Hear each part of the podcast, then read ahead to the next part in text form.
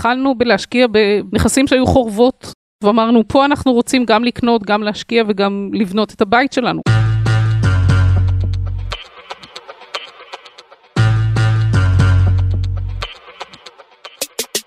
עורכת הדין עירית ינקוביץ' מקריית אונו חיה ונושמת נדל"ן. המשרד שלה ושל בעלה מלווה עסקאות מקרקעין, עוסק במיסוי, ואפילו, איך לא, עסק בפרשיות תרמית בתחום. עם השנים, הפכו בני הזוג למשקיעי נדל"ן בעצמם. והכל התחיל מחורבה שהייתה ממש צמודה לבית שלהם. שלום שלום לכם, אני גיא ליברמן, עורך הנדל"ן של עיתון גלובס, ואתם מאזינים לפרק החמישי של הפודקאסט כסף בקיר. סיפורים על אנשים שהחליטו לשים את הכסף שלהם בנדל"ן. בפרקים הקודמים שמענו על משקיעים בארץ ובחו"ל, אז לפני שאתם מתחילים להאזין לפרק הזה, שווה להאזין לפרקים הקודמים. היום אנחנו עם עירית שמעדיפה לעשות את ההשקעות שלה רק בישראל, ויש לה גישה ממש לא שגרתית. תחילת שנות התשעים הסתובבנו בקריית אונו עם הבן הבכור שלנו על הידיים. ראינו חורבות ואמרנו פה אנחנו רוצים גם לקנות, גם להשקיע וגם לבנות את הבית שלנו. יכולה לספר מה הייתה העסקה הראשונה? כבר יש על זה התיישנות. כן, כן. העסקה הראשונה הייתה אה, רכישה של אה, שני בתי סוכנות ישנים, אטומים, אה, סגורים כבר במועד הרכישה כ-30 שנה, שאף אחד לא נגש, זה חורבות.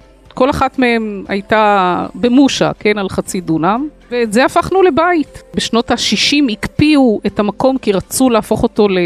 לשכונת מגדלים, אבל uh, בגלל שלא הצליחו לפנות את הדיירים, זה נשאר משנות ה-60, נשאר בתים סגורים, אטומים, uh, בתי סוכנות כאלה ישנים, ובתחילת שנות ה-90 זה היה בדיוק כמו שזה נראה ב-68-69. ולנו זה נראה מאוד אטרקטיבי. לשאלתי, כמה עלו הבתים?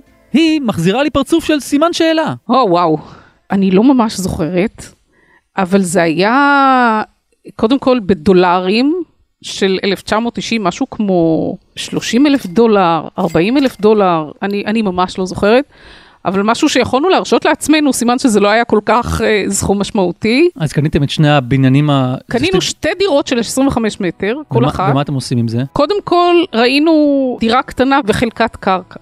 שזה כבר בעל פוטנציאל. אחר כך התחלנו לעבוד להשביח את זה. שלב ראשון שיפצנו את הדירות האלה וגרנו בהן.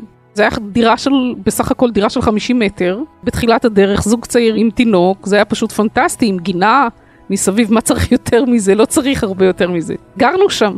והתחלנו לעבוד על, אה, על תוכנית, על השבחה, על זה שכל הרחוב יצא מההקפאה. וזה קרה. ב-98 הצלחנו לדחוף להעברת תוכנית לבניית קוטג'ים, ומיד התחלנו לבנות, וב-2001 כבר עמדו שם שני uh, בתים צמודי קרקע, יפים, שבאחד מהם אנחנו גרים עד היום, והשני מושכר. אז זה התחיל בשנות ה-90 עם שתי חורבות של 25 מטר, uh, וב-2001 זה כבר היה שני בתים צמודי קרקע, כמו שקוראים להם היום קוטג'ים, וילות, ווטאבר. כל אחד עם חצי דונם, זה יפה. עירית ובעלה היו מרוצים מההשקעה, אבל מה עושים עכשיו? הצעד הבא לחפש עוד כאלה. וזה מה שעשינו. באותו מקום, בהמשך, רכשנו עוד יחידה כזאת uh, ישנה. זה היה הכיוון, זאת אומרת, לרכוש דברים, להתעניין ולרכוש דברים שיש להם uh, פוטנציאל השבחה.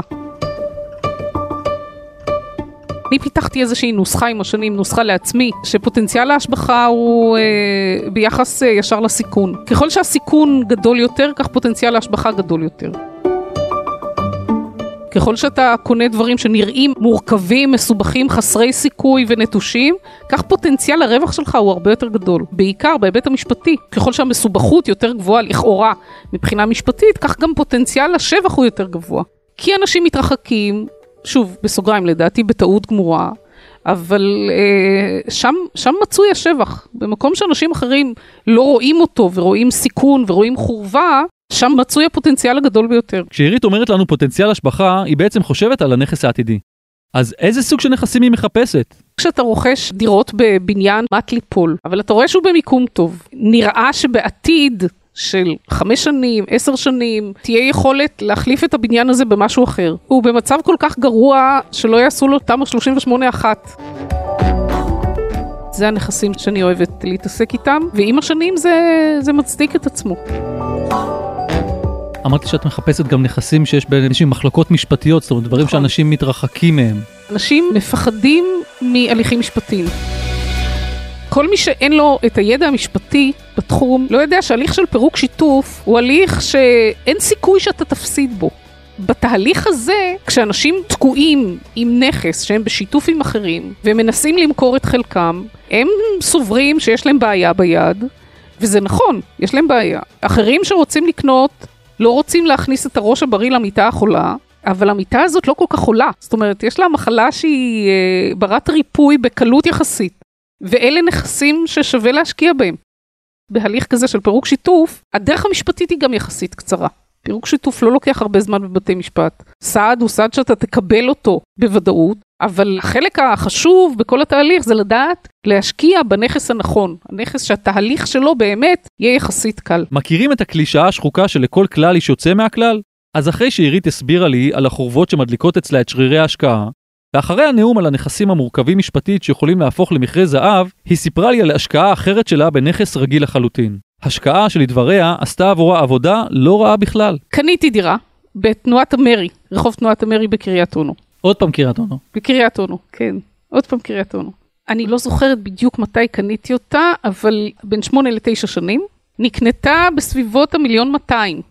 היא דירה של 120 מטר, דירה גדולה, עם נוף פתוח ומעלית וחנייה והכל. היא נקנתה בסביבות המיליון 200, כי הייתה הרוסה, לא משופצת, לא השקיעו בה.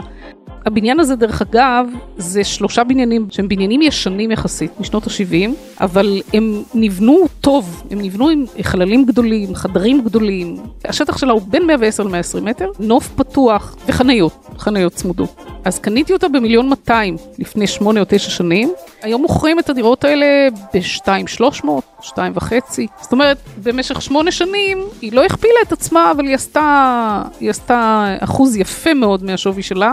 מבחינה הונית. שלא לדבר על זה שהשכירות היא בין 5,000-6,000 שקל בחודש, וכאשר מימנתי את זה ממשכנתה, אז uh, הדירה משלמת את עצמה. זה אחד מהיתרונות שאתה יודע לחשב כמה פירות הדירה תיתן, והאם היא יכולה לרכוש את עצמה. אתה כמובן צריך הון ראשוני, אבל הדירה נותנת את הפירות uh, לרכוש את עצמה.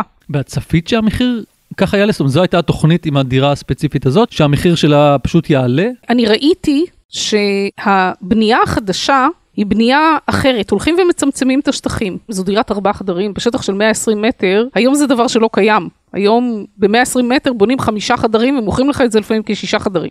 החללים הפרטיים הם יותר קטנים. התכנון הוא אחר, האדריכלות אחרת, הצפיפות הרבה יותר גדולה, ולכן אה, הנחתי שדירות מסדר גודל כזה, הערך שלהם באמת יעלה, כי הם לא בונים אותן יותר. אני שמחה מאוד שצדקתי. עירית מאמינה בקריית אונו. באמת קריית אונו? זה ההשקעות שלה, את זה כבר הבנתי. אבל מה לגבי אזורים אחרים? יש בתל אביב היום אזורים שאתה יכול uh, להשקיע יחסית מעט, לחכות עשר שנים, והסיכוי שאתה תראה שם תשואה גבוהה מאוד הוא סיכוי מאוד מאוד גבוה. איזה אזורים? תראה, כמובן נווה שאנן היום היא להיט. היא להיט מבחינה זו שהמחירים עדיין נמוכים, אבל כל מי שמכיר את uh, תל אביב 5000 וכל מי שמכיר את ה, מה שקורה שם מתחת לפני השטח, אז היום בנווה שאנן ההשקעה היא פשוט פנטסטית. אתה משקיע יחסית לא הרבה ביחס לתל אביב, ובעוד עשר שנים נווה שאנן תהיה סוהו של תל אביב, לדעתי.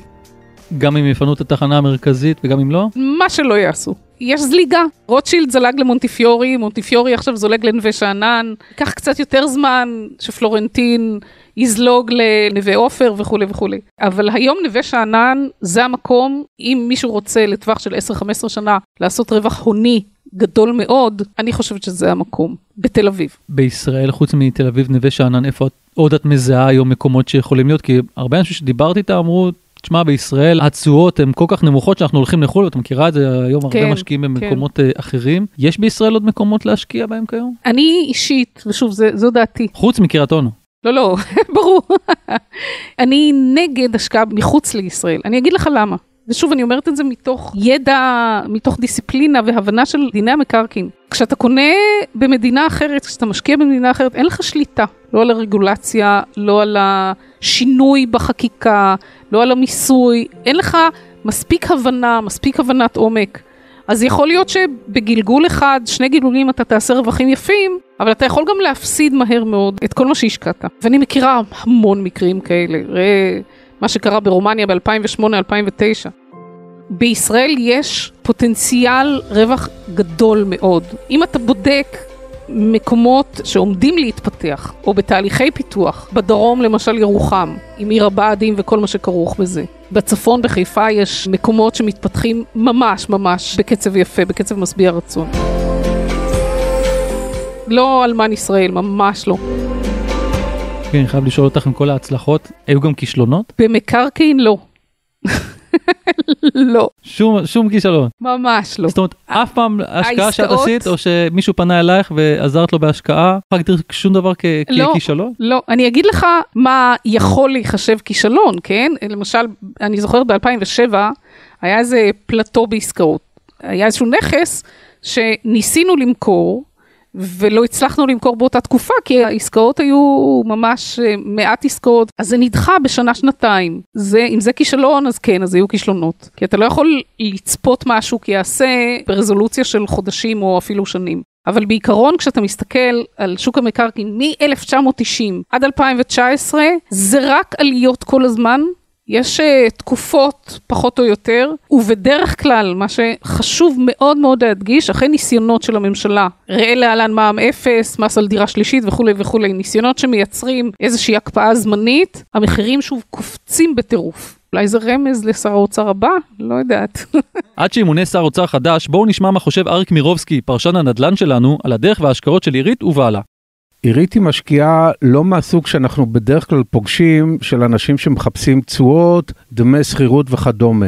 עירית מחפשת את ההשבחה, את העלאת שווי הדירה, וזה תחום השקעה שונה לחלוטין, שדורש מצד אחד מקצוענות, ומצד שני גם uh, סבלנות. אתה חושב שכל משקיע יכול ללכת בדרך שלה? אני חושב שזה דבר שהוא הרבה יותר מסובך מאשר סתם השקעה שמתבססת על אה, שכר דירה.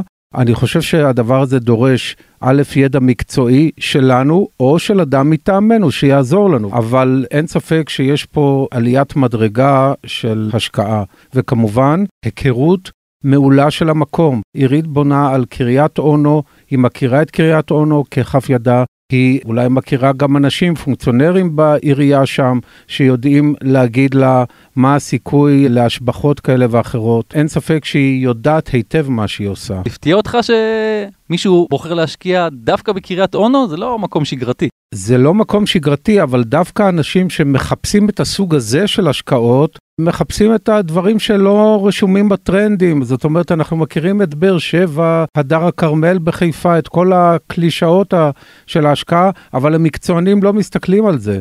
הם מסתכלים על דברים הרבה יותר מפוקסים. אריק, תודה רבה לך. גם לך, גיא. עד כאן הפרק החמישי של כסף בקיר, פודקאסט הנדל"ן של גלובס. להערות ותגובות, חפשו אותנו באתר גלובס, בפייסבוק, באינסטגרם, ואיפה לא. אל תשכחו לדרג אותנו באפל פודקאסט. תודה לעירית, לאריק ולרון טוביה, עורך הפודקאסטים של גלובס. אני גיא ליברמן, וזזתי לחפש חורבות בקריית אונו. יאללה ביי.